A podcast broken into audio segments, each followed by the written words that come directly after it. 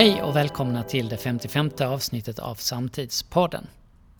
Imorgon är det midsommarafton, Sveriges största högtid efter julen och en högtid vi kanske egentligen inte vet så mycket om.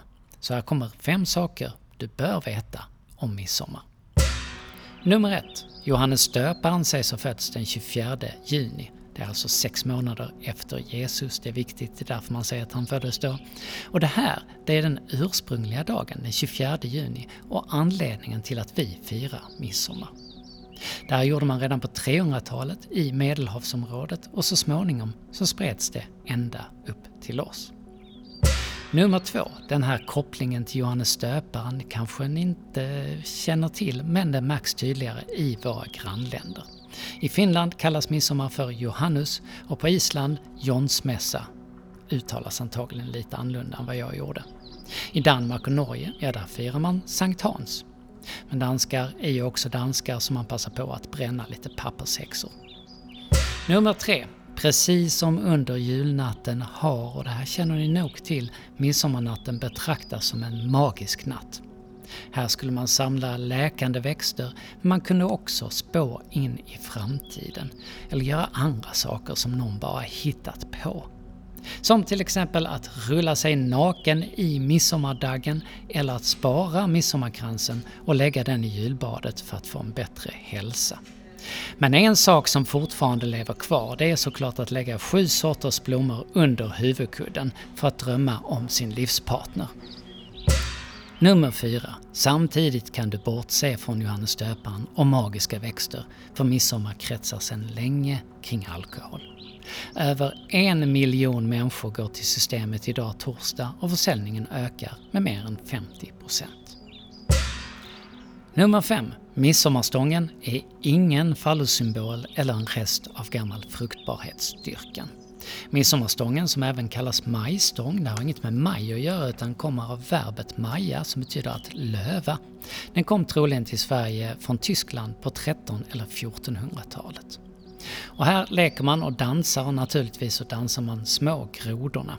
Det här är egentligen en militärmarsch från franska revolutionen som hette La chanson de l'oignon, Löksången, med texten I takt kamrat. Det här tog brittiska soldater fasta på under Napoleonkrigen när de skrev om den till en nidvisa med texten I takt groda. Ja, eftersom fransmän kallas för grodor av engelsmännen för att de ju äter grodor. Så hånar vi fransmän på midsommar? Ja, kanske lite grann. Jag heter Anders Minner och med mig har jag precis som vanligt Jasmin Arhan Moder. Hej! Nu är det snart sommar och semester Jasmin. Mm. Vad är en bra semester Äntligen. för dig? Äntligen! Vad är en bra semester för dig? Eh, eh, ja, men det är, måste jag ändå säga, eh, även om man kanske ska, bör med allt vårt klimatfokus begränsa sitt resande, det är när jag faktiskt får komma till Spanien som vi ska åka till.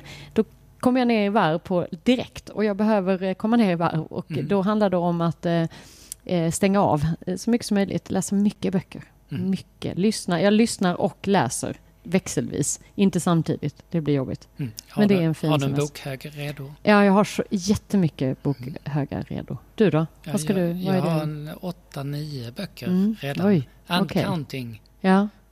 Oj, och nu måste läsa. man också bara hitta de böckerna som man verkligen... För det finns ju många intressanta böcker som kanske är mer jobbrelaterade, så inspiration till det vi jobbar med. Där mm. gäller det att hitta balansen. Mm. Hitta, kanske komma in i det där lite mer lätt, lättsamma inledningsvis och sen kanske... Och sen sommarpraten ska jag bara slänga in också. Sommarpraten. Och det är också min Ja, ja men det finns mycket att göra. Det finns mycket att göra. Här där vi sitter just idag på torsdagen så är våra möteslokaler, Studio Meeting Point i Malmö, fulla med folk från hela världen. För just mm. nu så pågår två dagars konferensen Better Cotton som arrangeras av Better Cotton Initiative. Och vi är superglada att vi har fått lov att vara med och arrangera den här, inte minst eftersom den handlar om våra hjärtefrågor, klimat och hållbarhet. Men vad är då Better Cotton för någonting? Vi låter vår kollega Jonas Klevhag förklara. Better Cotton är ju en eh, standard för hållbar bomull och idag så licensieras ungefär 25 procent av världens bomull som hållbar genom Better Cottons program kan man säga, partners. Och man har som mål att 2030 ska det vara 100 procent av världens bomull som är hållbar. Och det där inbegriper ju eh, både allt ifrån odlare till distributörer, producenter av tyg och, och, och garn och hela vägen till kläder och varumärken. Så att det är en enormt stor och lång värdekedja och bomull har stor eh, påverkan på miljö, på, eh, på eh, bönders förmåga att, att eh, ja, livnära sig och på, på eh, våra konsumtionsvanor helt enkelt. Så att det, det har stor påverkan på, på miljö och klimat. Därför är det en eh, jätteapparat när de vartannat år har sin konferens där de samlar alla intressenter i värdekedjan, alla som påverkas av det här, som kan påverka eh, hållbar bomull. Och här är det också stora eh, klädaktörer med. Oh ja, oh ja. Eh, H&M och och eh, ja, även Ikea som en stor textilanvändare är två av de ursprungliga grundarna av eh, flera stycken, men, men eh, Better Cotton Initiative grundades för tio, drygt tio år sedan av flera stora svenska varumärken, men, men många internationella såklart. Ja. Och, och vad är det man gör på under den här konferensen? Här delar man kunskap om hur man kan införa ny teknologi när man odlar, hur man kan skapa nya samarbetsmodeller mellan odlare och mellan distributörer, hur man kan eh, bekämpa fattigdom och eh, främja arbetarnas rättigheter. Men också hur man kan förändra konsumtionsvanor och eh, ja, varumärkenas eh, kommunikation kring hållbarhet och bomull. Och du är ju moderator för konferensen Jasmin, men innan vi pratar lite grann om dina tankar så ska vi få höra lite om vad några av deltagarna säger. Jag pratade med Nigel Burnett som är bomullsodlare i Australien och jag frågade honom vilka utmaningarna är för honom i hans arbete. Yeah, so the challenges are well, what the what the conference is actually about is about climate change and the challenges this faces um, to large growers and to small growers. So the Australian cotton farmer is classed as the large farmer in, in the BCI context, and, and the smaller growers are, um, I guess, in the, the, countries like India and Pakistan, and they've got smaller plot areas. And uh, smaller farms were what BCI was originally um, grew out of that idea around bringing um, these smaller farmers up and, and building their ac- economic ability to look after themselves and and be more functional. So yeah, I mean, you know, as a large farmer, that's really important. I saw one of the sessions there today. Um, it was a section. A second session there of the of the small farmer group, and you know, look, it was humbling. You know, as a large grower, I was really humbled and inspiring to see you know what they are doing at that level. Um, you know, it's, it's not just about climate change for them. It, a lot of it is, is around putting enough food on the table for their families each each week. And uh, to see that the way we grow cotton, um, yeah, like it's, it's, it's a totally different perspective. Jag frågade också Nigel när och hur snabbt bomullsindustrin förändras och blir hållbar. Yeah, I think oh, it's changing now. Yeah, like we've got we've got practices in place where we're trying to uh, store carbon in the soil. Uh, we're working on water use efficiency because we, you know, with this varied varied climate that's going to come with climate change, we need to be able to be um, nimble enough to, you know, become better at water use efficiency, fertilizer use efficiency, efficiency those sort of things. And they're the changes that are happening right now. Um, and you know, we have an awesome research body in Australia called the Cotton Research and Development Corporation, and they're working really hard on the research side. So, you know, what we think's possible now, you know, we could see in ten years' time. Hopefully, we've got somewhere to, you know, somewhere to reach pretty reach the stars on this one, and we're going to have to because it's it, it is a big world problem. It's not isolated to the cotton industry. It's it's a world problem. Vad är då betydelsen av en sån här konferens? Selina Pokunjo från Indien och en del av arrangören Better Cotton Initiative svarar så här. So here we are basically bringing uh, different. BCA is a multi-stakeholder initiative, and here we are really truly bringing um, different actors who can make the change, and making sure that they meet uh, people who are the most affected by climate change. Är det då skillnad på vår kunskap som vi har här i de nordiska länderna och den kunskapen som man har i Indien och som idag är en stor producent av bomull, ser vi på det här olika. Både vad vi vet och vilken roll vi kan spela. Så här säger Selina. I don't actually distinguish that um, people who are living not in cotton growing countries uh, not having a closer connection to cotton because I mean we all wear cotton and um, I believe that um, the the consumers here can play a great role in changing the cotton sector. In there are various ways of doing it, um, and um, I think it would be difficult for me to say there is something particularly which you don't understand about cotton. Maybe there are there may be one or two facts. For example, people do always say that um, cotton is uh, taking. I mean, cotton uses a lot of water. And in our context, actually, what happens is that uh, when farmers have irrigation facilities, they move to other crops. Cotton is some way the last resort of farmers who don't have any resources. Actually, in in, the, in our regions, more than half of the cotton is grown rain-fed. So maybe that is a misconception which could be changed. I don't know, but otherwise, I do believe that um, um, people elsewhere have very close connection to cotton. I mean, they may not have seen a cotton farmer or cotton farm, but that doesn't mean that you don't have a connection to cotton. Jag pratade också med Sheila Willis från PAN UK, Pesticide Action Network. Jag frågade varför är det egentligen viktigt att vara med på en sån här konferens? We're really happy to be here after such a long time working remotely.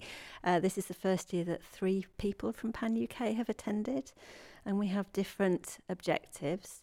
Of course, we're a civil society organisation very interested in climate change and supporting smallholder agriculture towards more sustainable practices. We're also launching our app, which is um, to raise awareness among other actors in the supply chain about the opportunity to collect data on pesticide poisoning from farmers, which is a huge but largely hidden problem.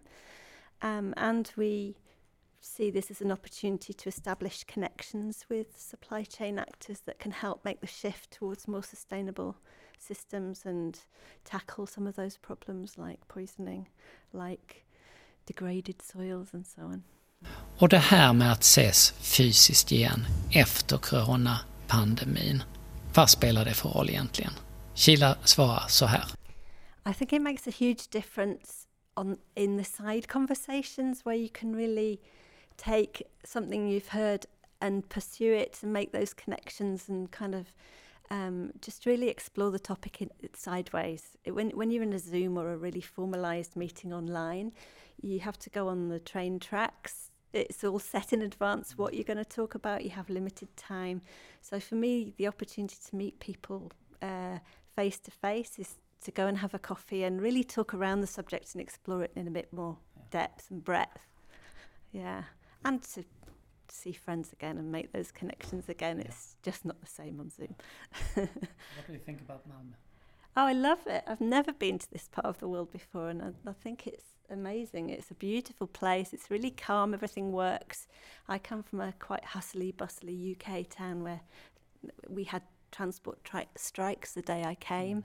So coming here where it's calm and everything works, it's just it's just great.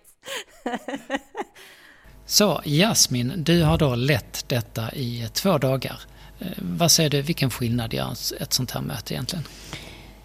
Väldigt mycket skulle jag säga. Dels så handlar det väldigt mycket om att när vi pratar om klimatfrågor eh, dagligen så som vi ändå gör och vill göra och försöka bidra till att både förstå lite mer komplexiteten eh, men också hitta lösningar och göra någonting. Så kan man säga så att man inser ju de här dagarna när, när det kommer människor, dels från hela världen, vi har 29 olika länder representerade.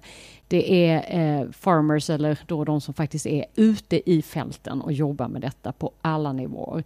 Där som pekar då på hela komplexiteten. Alltså de här frågorna har vi sagt flera gånger i klimatdiskussioner. Det är komplext och jag ska säga att de här två dagarna visar eh, än mer hur komplext det är. Hur vi måste ha väldigt många tankar i huvudet samtidigt. Att det handlar om människors arbetsförhållande, hur vi... Det är så lätt för oss att sitta och säga att vi ska göra det ena, vi ska vara duktigare på att köpa mindre bomull eller vi ska göra mer av något annat. Och sen så helt plötsligt så har vi liksom inte riktigt fått med oss hela kedjan där vi pratar om eh, ett, eh, ett levande för människor ute på, eh, i Kenya på landsbygden eller Indien eller... För här är ju verkligen hela kedjan. Alla, är ju ju med. Alla är ju med här Folk och från hela världen Ja. och det är allt från, från bönder till eh, folk som jobbar i, Ja. i tillverkningsindustrin. Och till, hur, precis. Och det, alltså hur deras förhållande är, alltså deras dagliga arbete. Och vi pratade igår bara en sån här fråga om, ja men kan man verkligen på den så att säga eh, eh, rotnivån, kan man förstå eller kan man, har man ens ork att ta till sig klimatförändringarna? Var det någon som sa vi kanske inte använder de orden, men vi står ju mitt i det. Vi, be, vi drabbas av klimatförändringarna rakt framför näsan. Det är det som Eh, alltså de lever ju i det medan vi lite fint ska prata om det och sen går vi ändå ut och gör precis som vi, vi har gjort varje dag. De lever med torkan eller översvämningarna eller värmen som är helt obegriplig i våra ö- Det var ögon. som, som, som Nedel sa när jag pratade med honom då att, att det, han, han är då en stor bomullsproducent och mötet här med små, mindre producenter vars första grej på agendan det är att ha mat på bordet Mm, för sin familj. precis. Really humbling, Ja. sa han.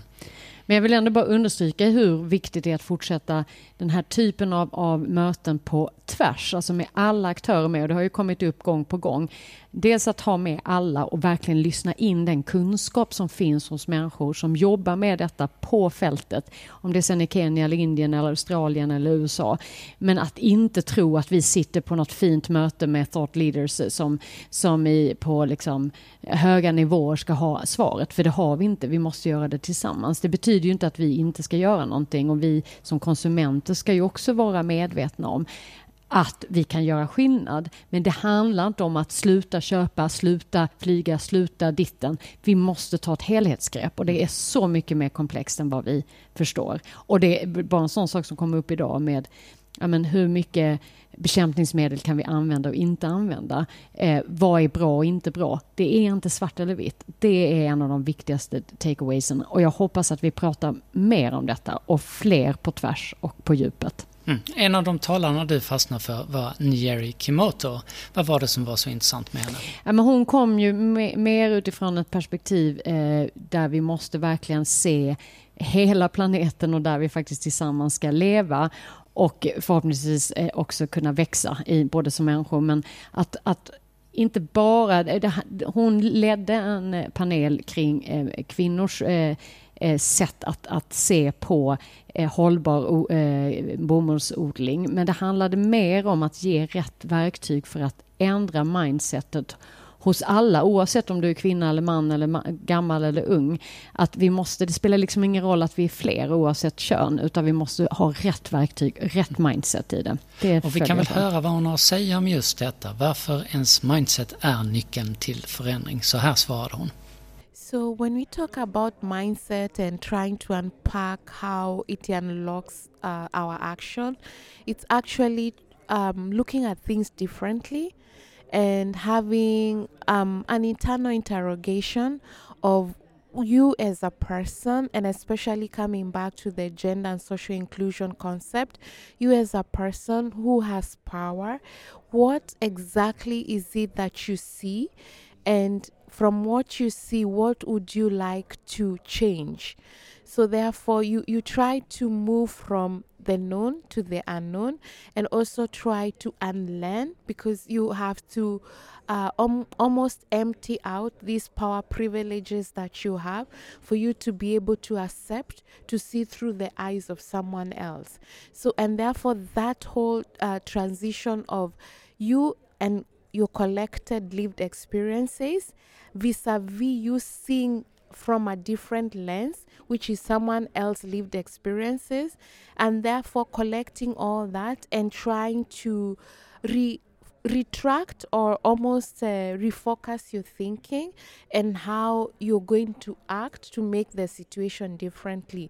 And that spoken is also bringing emotions to the table And I think a lot of work that we are doing is usually separated a little bit from our emotions. But we need to bring our emotions because it's what triggers you to really want to do something about it on one hand, and on the other, those emotions are the ones that make you want to sustain what you're doing. So, therefore, a combination of different, a couple of elements in there, but at the end of the day, uh, if we if we afford to change how we look at things from a different lens of someone who is living differently than you, that allows you to unpack your power privileges. And at the same time, it's allowing others into your space. And that way, we, we, we form a critical mass of change and also how we are seeing each other, we accommodate different ways and different lives and diversity that uh, encompass the way we are going to act and the way we are going to hold conversations. Yes. And could you give me an example of this? So what does this look like in, in, in reality? In reality, I'll give you from a case scenario point of what happened to me. So I was invited to train a board of, of, of, of members who are basically doing the teaching fraternity. And when I got into the room, I introduced myself and they basically kicked me out. So they told me, I, I think you young girl, you need to get out of the room because you have nothing to give us. So, of course, respecting them um, and also coming and wearing their shoes that, okay, I'm young, it's just a couple of board members who are pretty two times my age. I got out as a respect norm. And then I re entered the room and I said, okay, I'm reintroducing myself. I'm your daughter. I'm your cousin. I'm your auntie. I'm the neighbor next door. So, with all that, I think we have something to talk about. So they quickly uh, changed how they were looking at me and they started looking at me from these different dimensions. And it sparked conversation of okay fine if i'm your daughter and you're talking about uh, issues to do with gender relations and more specifically how i can attain my income and have power to make decision over that income what can you help me do as a board member who is seated here? And it it helped us to start having the realistic conversation of yes there are opportunities of the board members to try strengthen the process of access and income and control of that income and benefit benefiting from that income. So it's it's having this conversation and and knowing that you are a person in this world who is relatable to the other uh, person seated across the room. Yes. Vad tänker du där Jasmin? Men det handlar så mycket om att dels det som hon är inne på det är ju att dels få ett, liksom ett mindshift, alltså försöka få ett annat perspektiv och att sätta sig i någon annan situation. Och det är ju inte så lätt, alltså även om du går in i ett rum och försöker liksom övertala någon, hur gör du det för att liksom få dem att förstå? Och att använda sig av eh, persona, alltså verkligen få andra att öppna upp för andra situationer. Och då handlar det ju om att, att inte bara titta på statistik eller siffror eller någonting som vi gärna liksom vänder oss till och säger så här ser det faktiskt ut, utan faktiskt förstå och tro på de här historierna som faktiskt vittnar om hur det är. Det går liksom inte att säga att så kan det inte vara när vi inte själva upplever det. Och där tror jag att om vi ska komma åt den här stora eh, jättefrågan kring klimat så måste vi, fler av oss, oavsett om du sitter som chef för IKEA globally eller eh, eh politiker runt om i världen, vi måste försöka få hela perspektivet. Hon, hon var ju inne på igår, vi lever på en gemensam eh, planet, en jordklot. Än så länge finns det bara den, sen kanske vi har några fler eh, framåt. Men just nu är det den och vi måste alla kunna leva på den oavsett vad som händer så kommer vi påverkas av vad som händer eh, för hennes eh, systrar och kusiner som hon tog upp i Kenya eller deras eh, Australiens sätt att, att liksom hantera den här enorma värmen som kommer här. Vi är alla del av detta och vi måste försöka förstå detta. Och där hon liksom pekar igen på att, att låta känslorna eh, får ta rum. Att faktiskt känna in om det hade varit ditt barn eller din kollega eller din granne som hade upplevt detta. Hur är det? Och vad kan jag då med min kunskap eller min eh, erfarenhet eller vad jag nu har eller mina verktyg. Hur kan jag vara en del av lösningen? Så den, jag, jag blev väldigt inspirerad av att hon, eh, hur hon pekar på detta. Mm. Och man blir ju berörd. Vi pratar, det jag sa innan, vi, vi ser ju detta från det här är inte bara liksom, exempel i någon en bok. Detta är riktiga människor som har riktiga upplevelser. Vi måste ta dem på allvar. Detta från Better Cotton alltså och därmed så närmar sig den här poddsäsongen sitt slut. Det gör det. Hörni där ute, glöm inte att fortsätta stötta Ukraina. All hjälp behövs mer än någonsin just nu. Om du tycker att midsommar är för stökig, trösta det med att redan på 1300-talet så präglades festerna av dans på kyrkogårdar, stöld av heliga bilder och skamlösa visor. Det är inte mina ord. Och på 1425-talet så förbjöd ärkebiskop Johannes i Lund midsommarvakor och försökte få folket att fira Johannes döparen istället. Det gick inte, så vi fortsätter att fira midsommar. Det är torsdagen den 23 juni och idag, 1784 Jasmin, vad händer då? Då är det Amerikas första ballongfärd. Oj, Ett år inte. efter den franska Montgolfier-ballongen. Då eh, flyger man upp en ballong. Och ballonger i början, man måste ju testa, man får Mm, göra någon mm. lätt. Så man skickar upp en stackars 13-årig kille. Edward Warren heter han. Varsågod, lycka till Edward. hoppas, hoppas det går bra. Hoppas det går bra. Gick det bra? Det gick bra. Ja, det var ju tur. 1923 idag så invigs Stockholms stadshus och det, på den här tomten låg eh, Eldkvarn som var en ångdriven kvarn. Mhm. Känd för gruppen Eldkvarn men också för uttrycket inte sedan Eldkvarn brann. Eldkvarn brann 1878, det betyder så jättelänge sedan. Oj då. Ja, har det inte var länge gjort det sedan. Eldkvarn brann. Nej. Superlänge sedan. Superlänge sedan.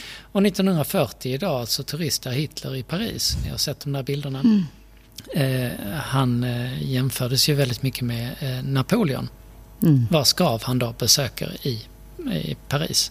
Båda var eh, utländska i de här länderna som de eh, styrde. Kom någon annanstans ifrån. Båda planerade invasioner av Ryssland medan de försökte invadera England. Och eh, båda var eh, inte jättelånga. Om man säger så. Hmm. Eh, jag vet inte vad vi ska säga om det. Men vi ska i alla fall säga tack för eh, oss för denna termin, om vi nu kan kalla det terminer. Eh, det har varit väldigt roligt och, och omtumlande. Det har varit Ja. en händelserik vår. Det enda vi kan väl önska är att saker och ting blir lugnare. Tyvärr är väl inte riktigt den det, det ser ut som just nu. Men vi får ändå hoppas att ni får en fantastisk sommar och just nu så var detta allt från oss från Samtidspodden och som du sa Anders, vi, vi kommer komma tillbaka Mm. eh, efter sommaren eh, och vi hoppas att ni alla får en fin och härlig semester och ledighet. Och vill ni veta lite mer om oss eller lyssna på lite gamla poddavsnitt så gör det. Vi finns, all information om oss finns på altitudemeetings.se. Eh, ha en fin sommar.